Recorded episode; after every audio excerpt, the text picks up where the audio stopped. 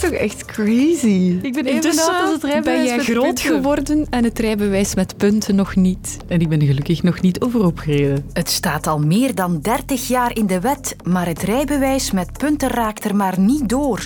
Wat kun je er tegen hebben? Jeff Colruit geeft de leiding door aan een directeur bij het bedrijf. Hij is trots op zijn parcours. Ik denk dat we goed gewerkt hebben. Hoe heeft Jeff Colruit zijn stempel gedrukt? Ik zie hier nu twee. Eens even kijken of ik de rest nog kan zien. Oeh, ja. 1, 2, 3, 4, 5, 6. Recht op mij af.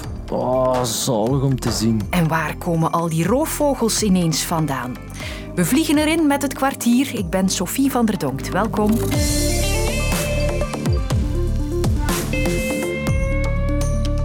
Het rijbewijs met punten, daar praten de politici in België al meer dan 30 jaar over. Maar het is er nog altijd niet.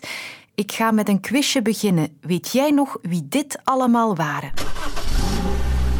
Wat belangrijk is voor het rijbewijs met punten is dat het alleen over zware overtredingen gaat, bijvoorbeeld niet een parkeerfout. Het principe van eh, rijbewijs met punten is in de regeersakkoord. En nu moeten we een overleg in de regering te hebben om de modaliteiten van deze strafpunten te discussiëren. Ik heb geen probleem met rijbewijs met punten. Ik, eh, we hebben nu bijna een systeem. Eens een rijbewijs, altijd een rijbewijs. En eh, ik vind dat geen goed systeem. Het is al een wet, maar eh, door het ontbreken van uitvoeringsbesluiten is het dus eigenlijk door de letter gebleven tot op heden.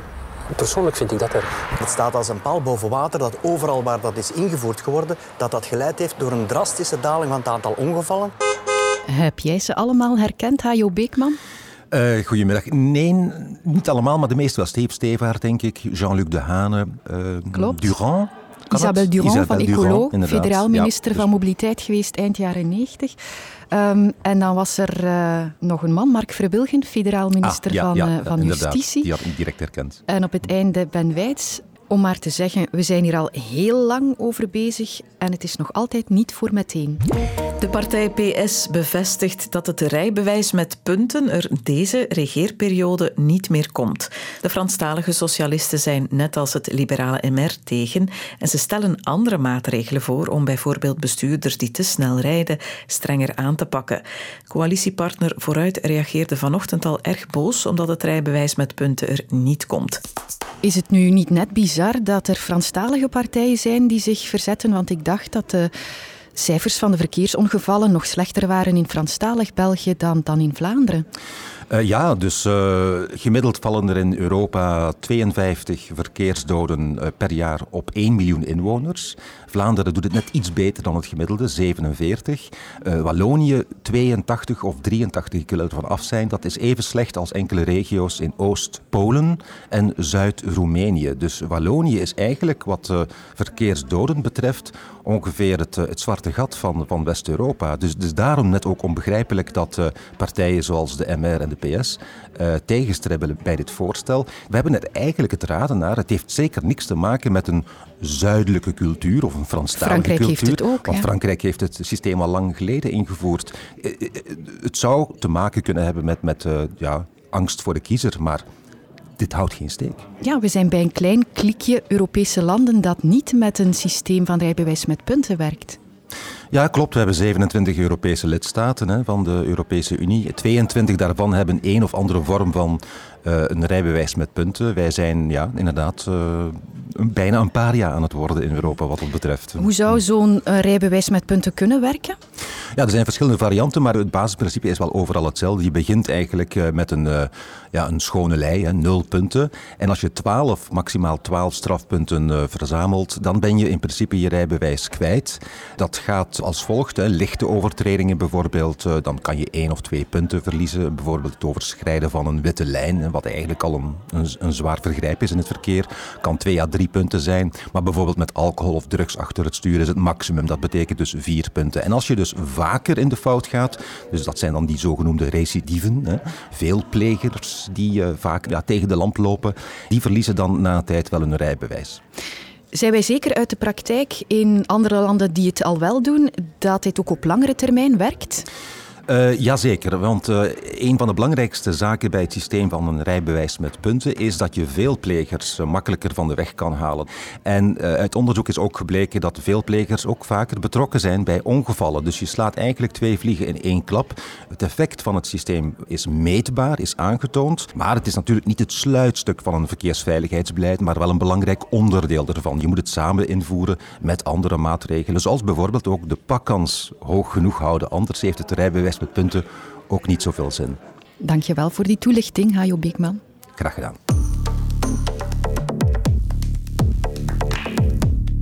Het zijn woelige tijden voor de supermarkten. De concurrentie woedt hard en net nu komt er een wissel aan de top bij Colruyt. Na 30 jaar geeft CEO Jeff Colruyt het roer uit handen.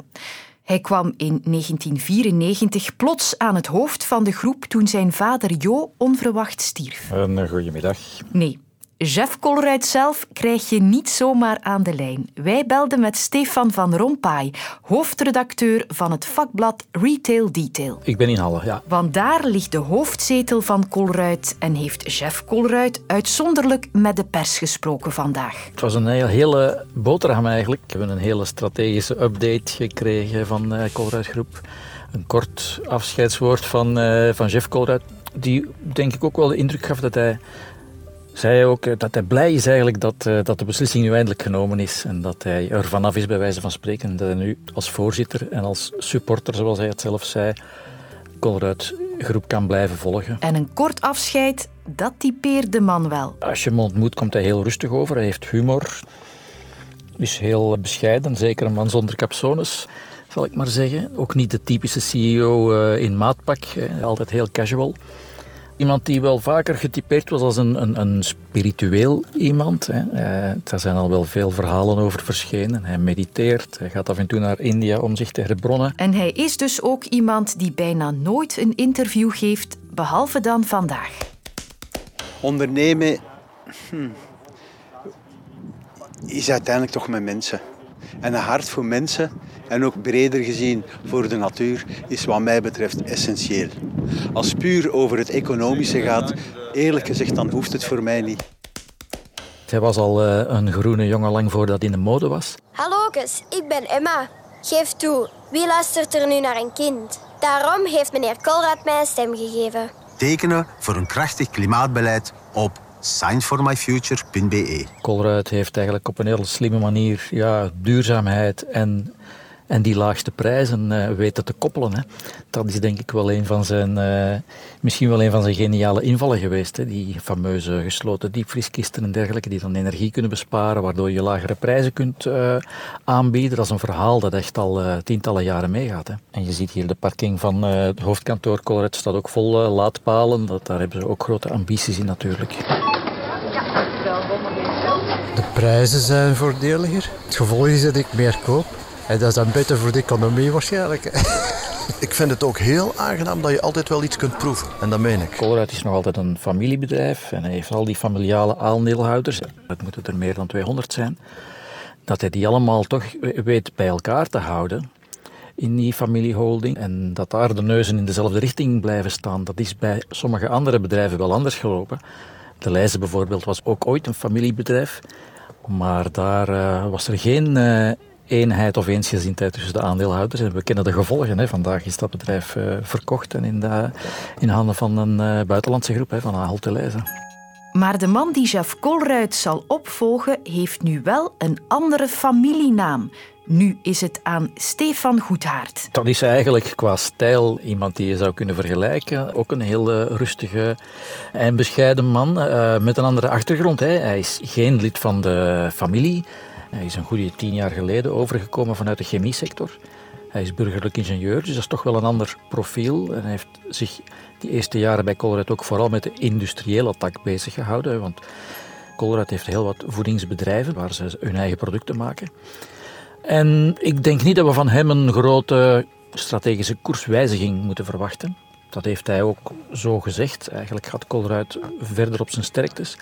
Maar wat ze bijvoorbeeld benadrukken, Colruyt is nog de enige grote Belgische retailer. En zij doen ook heel erg hun best om in hun assortiment en in hun samenwerkingen altijd voorkeur te geven aan Belgische leveranciers. En er klonk toch wel wat kritiek op een bepaald moment, omdat ze zeiden van kijk, we zien dat in veel collega-supermarkten er al maar minder Belgische producten in de rekken liggen. Zij willen zich toch positioneren als een voorvechter van die lokale landbouwers en van die lokale fabrikanten. Een nieuwe wind, maar de oude baas kijkt tevreden terug. In 1994 hadden we een omzet van een miljard, iets meer dan een miljard. Vandaag bijna 11 miljard. Toen waren we met 5000 medewerkers, vandaag met 33.000 medewerkers. We hadden 127 winkels, uh, vandaag 775 eigen winkels en dan nog een kleine 2000 zelfstandigen die we uh, aanleveren. Dus ik denk dat we goed, gewerkt hebben. Vale gieren boven de Kemmelberg. Een keizerarend in Nederland. En een lammergier aan de zuidrand van Brussel. Zijn maar een paar voorbeelden van zeldzame roofvogels die de voorbije dagen gespot zijn in onze kontrijen. Natuurpunt spreekt zelfs van een roofvogel-tsunami. Ik vind het zelf nogal enge beesten en dat woord roofvogel-tsunami klinkt mij niet bepaald positief in de oren.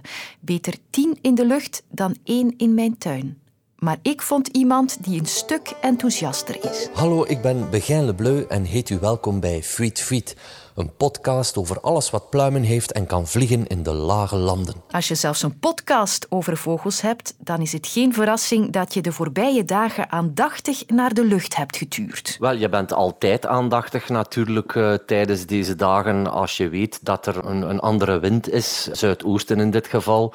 En ik heb de voorbije dagen nog een zwarte wouw gezien. Dat zegt u misschien niet veel, maar dat is wel een van de roofvogelsoorten die niet zo bijster veel voorkomt in onze streken.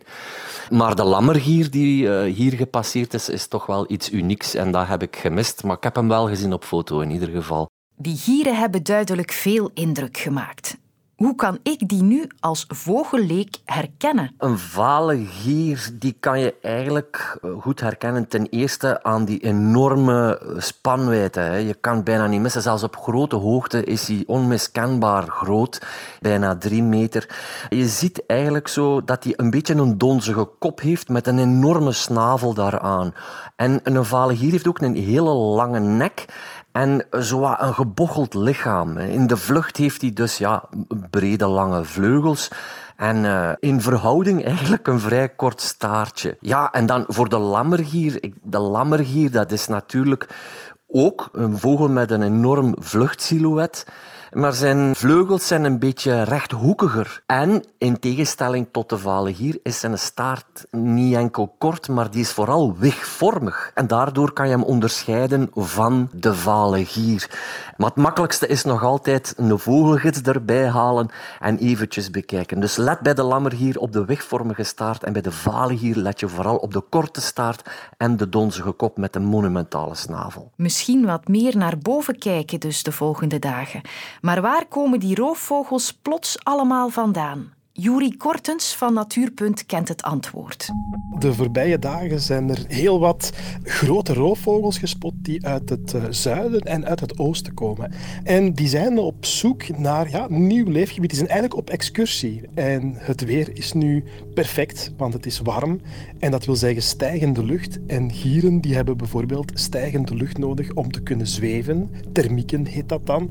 Eh, en dan kunnen zij met ja, vijf vleugelflappen helemaal van Spanje tot in uh, Vlaanderen vliegen. Maar ook even snel zijn ze weer terug naar het zuiden. De warmte brengt de roofvogels dus naar hier. Maar een tsunami is dat nu niet overdreven? Misschien is de term roofvogel tsunami een heel klein beetje overdreven, maar iedereen die zo een groepje vale gieren spot van 25, soms 50 exemplaren, die zal het met mij eens zijn dat dat toch wel zeer indrukwekkend is. En het is vooral ook zo dat de voorbije dagen er uh, ja, meerdere van die waarnemingen zijn. En daardoor heb je toch wel een soort van tsunami-golf die uh, over Vlaanderen spoelt. Mij boezemen die roofvogels toch wat angst in. Of ben ik nu een klein beetje aan het overdrijven? Ik heb al wel eens een reactie gehoord van mensen die toch wel een beetje schrik hebben van die grote roofvogels, maar dat is nergens voor nodig, want uh, roofvogels blijven gewoon uit onze buurt.